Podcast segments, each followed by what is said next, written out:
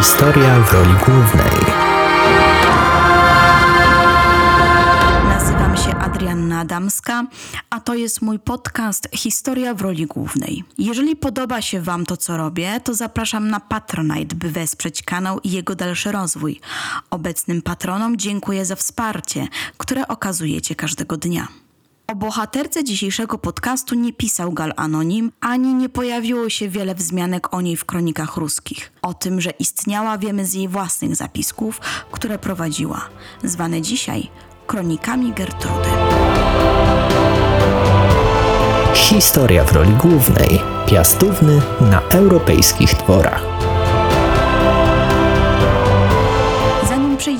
Dalej do osoby Gertrudy Mnierzkówny, konieczne jest, abyśmy wyjaśnili sobie, czym były te kroniki. Istnieje pergaminowy rękopis w formie kodeksu zawierający 233 kartki zszyte w XI wieku. Składa się z dwóch części. Pierwszej, wykonanej jeszcze dla arcybiskupa Trewiru Egberta oraz drugiej, stworzonej dla Rychezy, a następnie jej córki Gertrudy. W 1013 roku trafia do posagu Rychezy Lotaryńskiej, która zabiera go ze sobą do Polski. W dniu ślubu jej córki Gertrudy psał też trafia właśnie w jej ręce. Od tego momentu do księgi zostają doszte nowe karty, nazywane przez historyków folia Gertrudriana. Zawiera w sobie kalendarz, łacińskie modlitwy stworzone przez Gertrudę oraz zapiski dotyczące bieżących wydarzeń. Wieloletnie badania prowadzone nad psałterzem pozwalają stwierdzić, że zapiski powstawały w pewnych odstępach czasowych. Zmiany atramentu, pióra czy technik zapisu sugerują, że zostały stworzone pomiędzy 1075 a 1108 rokiem, czyli do dnia śmierci Gertrudy. Czy księżna rzeczywiście sama wszystko spisała, czy zleciła to komuś innemu, nadal pozostaje w gorącej dyskusji historyków. Analiza treści modlitw, w której wzięto pod uwagę okres, w jakim powstawały, niezwykle osobiste czy wręcz intymne wyznania sugeruje, że mamy jednak do czynienia z bezpośrednim zapisem uczynionym ręką córki Mieszka II i Rychezy Lotaryńskiej. Obecnie psał też nie jest dostępny w polskich muzeach, a we Włoszech. Gertruda urodziła się prawdopodobnie pomiędzy 1014 a 1025 rokiem, kiedy to Mieszko II i Rycheza byli jeszcze zgodnym małżeństwem. Możliwe nawet, że niedługo przed śmiercią Bolesława Chrobrego, a tuż przed koronacją jej ojca na króla Polski. Mała królewna wyrastała w poczuciu dumy bycia królewską córką. Zapewne matka wpajała jej też wartości wyniesione z niemieckiego dworu.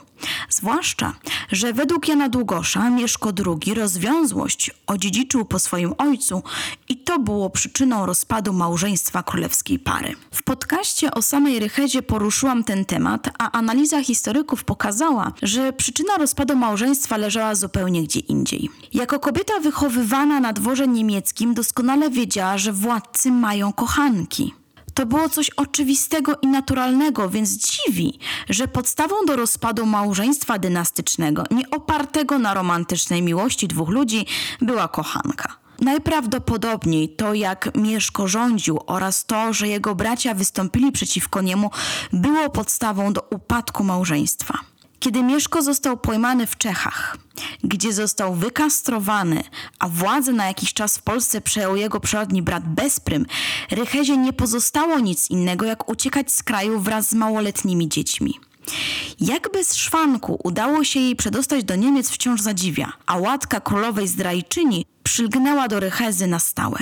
Matka Gertrudy oddała insygnia zapewne za cenę życia własnego i swoich dzieci. Być może myślała, że uda jej się odzyskać koronę dla syna, gdy przyjdzie odpowiedni czas.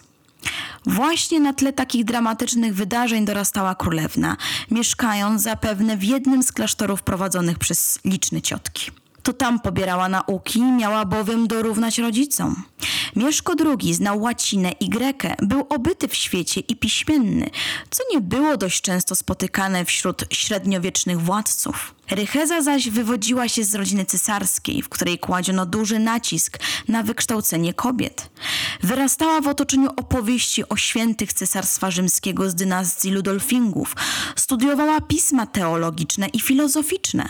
Poznała kulturę i tradycje cesarstwa bizantyjskiego, co zapewne bardzo jej pomogło, gdy stała się księżną kijowską. Za wysokimi murami klasztoru przeczekała burzliwe rządy bezpryma, krótki powrót na tron Mieszka II oraz niełatwe początki Kazimierza. Po 1040 roku, kiedy ich brat w miarę ustabilizował swoją sytuację w Polsce, wyruszyły z niemieckiego klasztoru do Krakowa. Matka z nimi nie pojechała, ale zatroszczyła się o to, aby miały odpowiednią oprawę. Wtedy to właśnie podarowała Gertrudzie psałterz Egberta, który później ta wykorzystała do własnych zapisków. Historia w roli głównej. Powrót sióstr był związany z politycznymi planami Kazimierza, który postanowił związać się z Rusią. Z jednej strony sam poślubił siostrę Jarosława Mądrego, Marię Dobroniegę, a z drugiej wydał Gertrudę za syna swojego teścia, Izjasława. Gertrudra poślubiła Izjasława w 1043 roku. Możliwe, że w tym samym czasie jej siostra staje się żoną Beli, węgierskiego królewicza, przebywającego wówczas na wygnaniu. Prawdopodobnie w trakcie ceremonii ślubnej Gertruda przyjmuje nowe imię Olisława, czyli Elżbieta. Latopis Nestora, innymi słowy powieść lat minionych, staroruski dokument opisujący dzieje państwa ruskiego, nadmienia, że Izjasław jest człowiekiem słusznego wzrostu, gdzie warto podkreślić, że w średniowieczu przeciętny wzrost mężczyzny wynosił 167 cm. Wobec tego wzrost dla nas oczywisty i normalny, czyli 175 cm, mogła być już uznawany za słuszny wzrost. Poza tym Izjasław charakteryzował się nienagannymi manierami oraz miał być szczery do bólu. Małżonkowie byli w tym samym wieku, mieli po około 18 lat i obydwoje odebrali bardzo staranne wykształcenie. I choć małżeństwo to było polityczne, to historycy są dość zgodni, że było nader udane, o czym świadczą modlitwy i zapiski samej Gertrudy. Te same dokumenty zaś rzucają ciekawe światło na relacje naszej królowej z teściową. Księżna ruska Ingegarda, która przyjęła na Rusi imię Irena, była z pochodzenia szwedzką księżniczką i najwyraźniej pałała niechęcią do synowej. Możliwe, że przyczyną niesnasek był brak dzieci w pierwszych latach małżeństwa, a być może stara księżna poczuła się zagrożona przez świetnie wykształconą, młodą synową. Życie piastówny w Kijowie nie należało do trudnych i ciężkich. Kwitły tu oświata i piśmiennictwo, a w zbudowanej pod koniec panowania jej teścia Ławrze Peczerskiej, głównym ośrodku latopisarstwa, powstawały redakcje powieści lat minionych. Za życia Jarosława Mądrego w kraju panował pokój, a Izjasław otrzymał uposażenie w Turowie, a potem Nowogrodzie. Otoczona szacunkiem dworu, w kręgu ludzi wychowanych w duchu bliskiej jej religii chrześcijańskiej, czuła się wyśmienicie. Można rzec, że szczęścia dopełniły narodziny synów Mścisława, Światopełka, Michała oraz Jaropełka Piotra.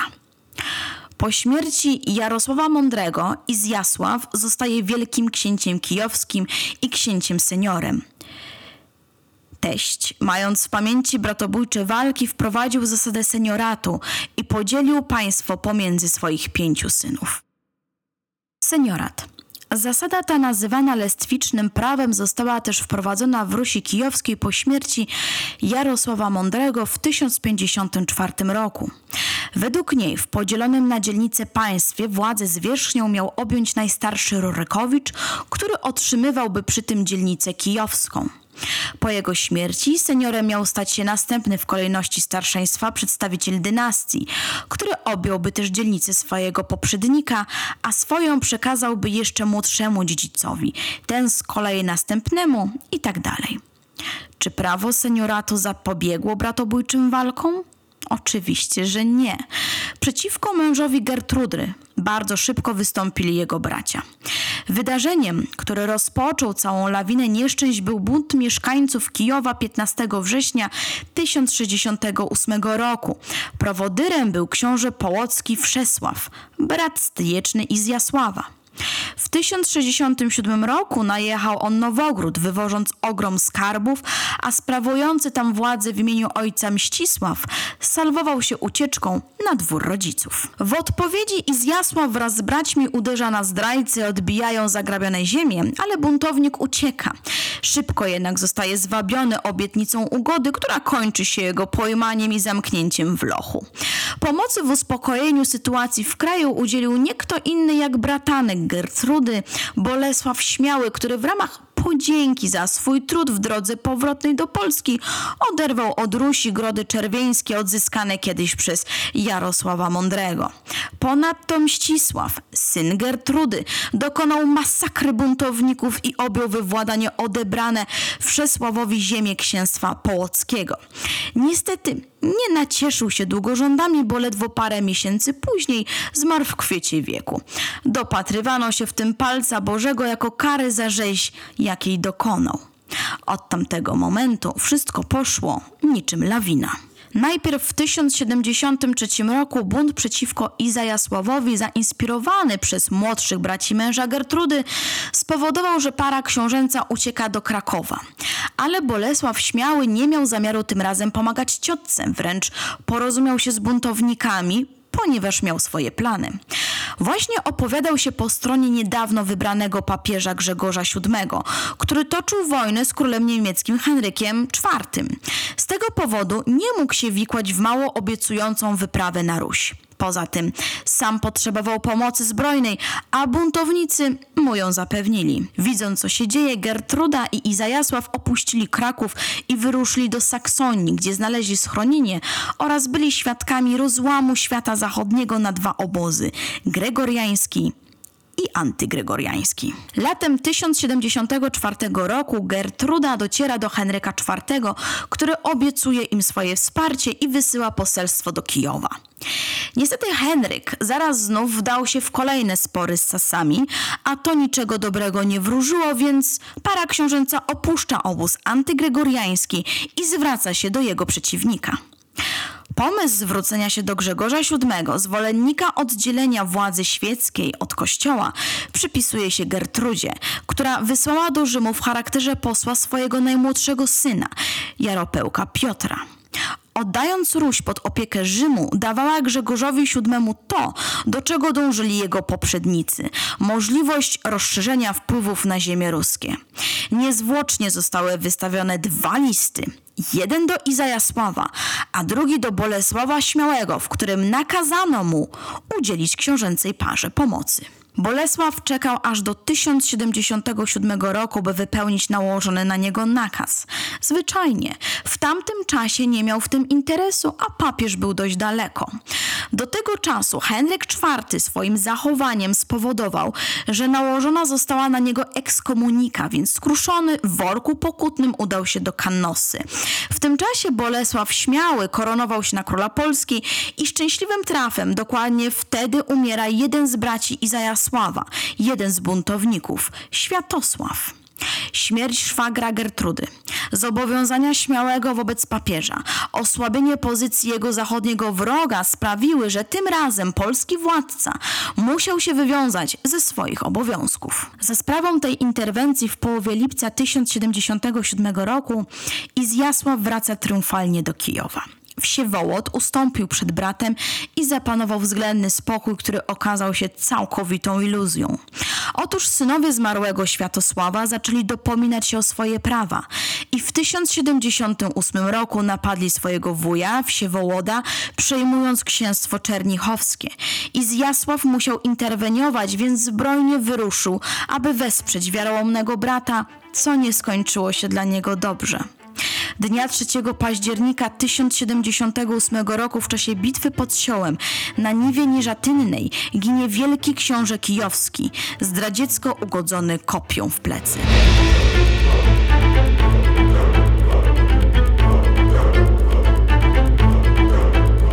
Historia w roli głównej odkrywamy zapomniane opowieści. Ze śmiercią męża Gertruda utraciła również tytuł wielkoksiążęcy, który trafił do Wsiewołoda zgodnie z zasadami senioratu. Wdowa przeniosła się do syna, Jaropełka Piotra, który urzędował w Turowie.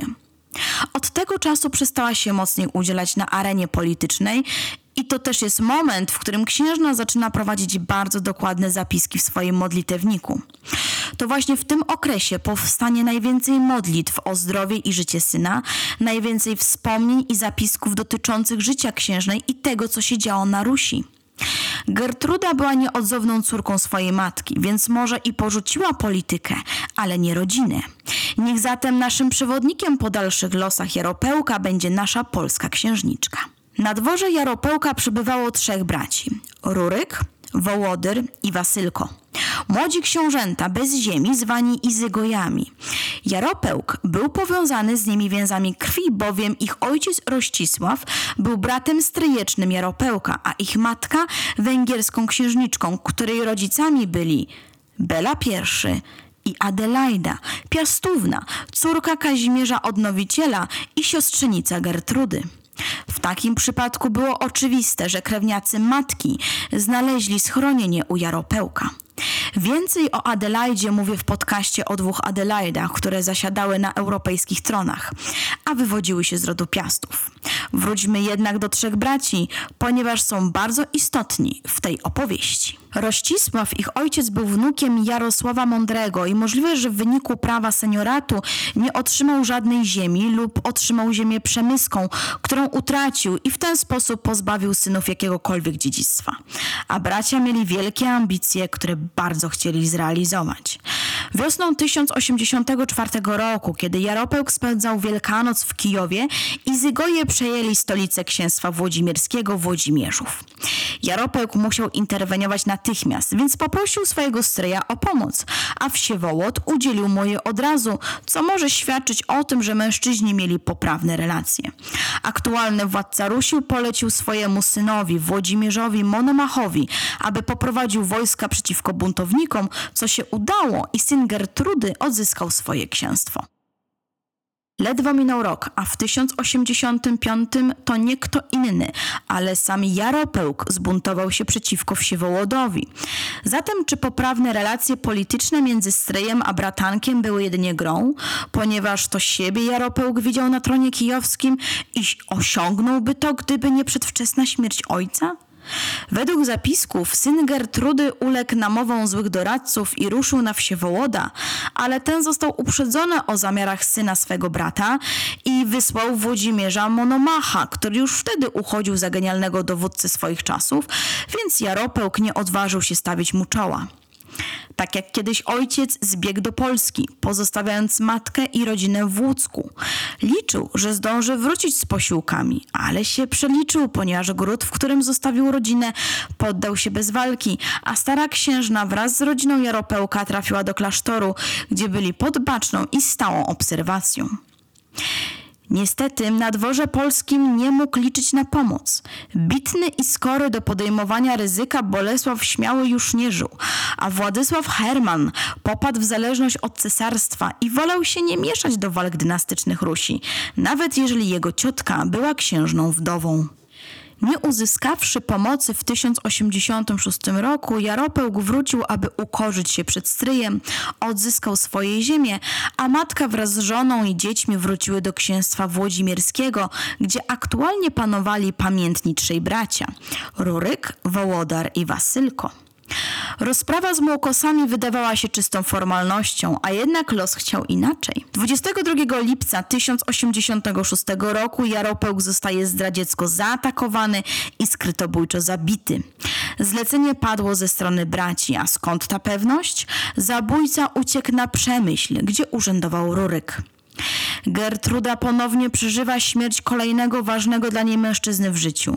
Mówi się, że Jaropełk był jej ukochanym synem, ponieważ to jemu dedykowała większość modlitw w swoim modlitewniku. Został on pochowany ze wszystkimi należnymi honorami, pozostawiając po sobie pamięć człowieka łagodnego i rozmiłowanego w księgach. Gertruda teraz jechała do ostatniego swojego syna, światopełka Michała, księcia Nowogrodzkiego.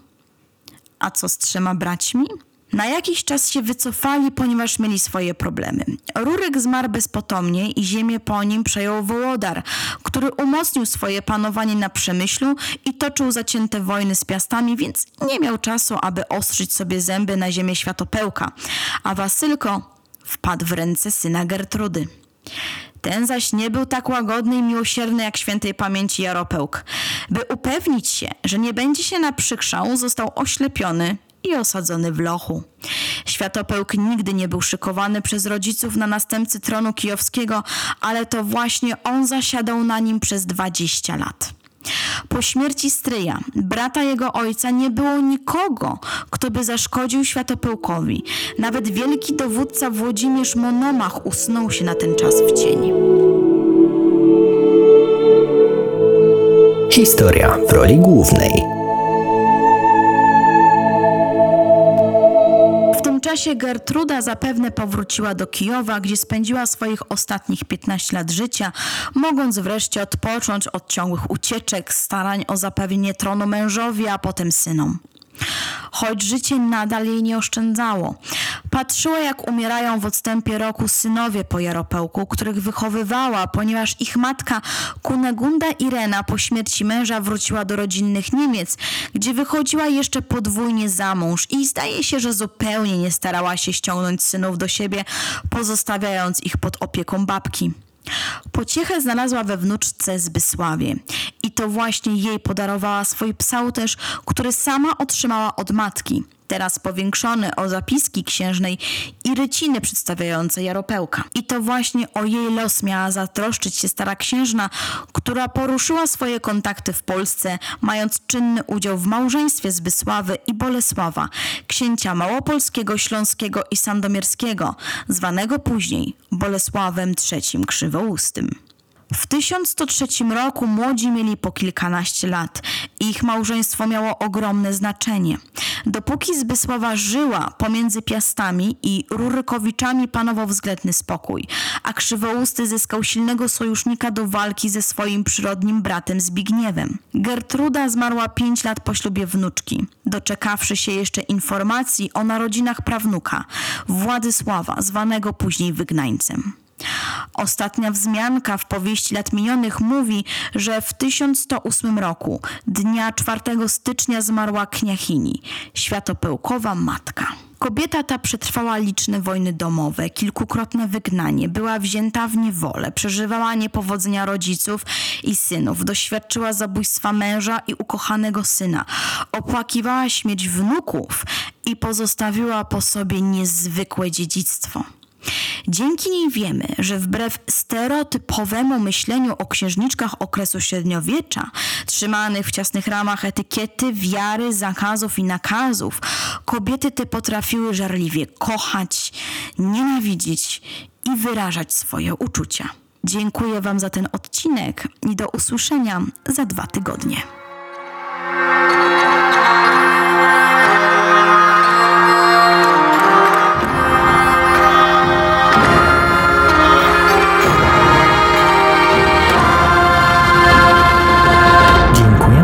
Wysłuchanie podcastu Historia w roli głównej autorstwa Adrianny Adamskiej. Czytali Adrianna Adamska i Rafał Matraszek. Realizacja akustyczna tylko Mefi. Tekst Adrianna Adamska. Korekta Anna Rymaszewska. Nagrania Adrianna Adamska, Rafał Matraszek. Montaż i obróbka Rafał Matraszek. Zapraszamy do pozostawienia swojego komentarza.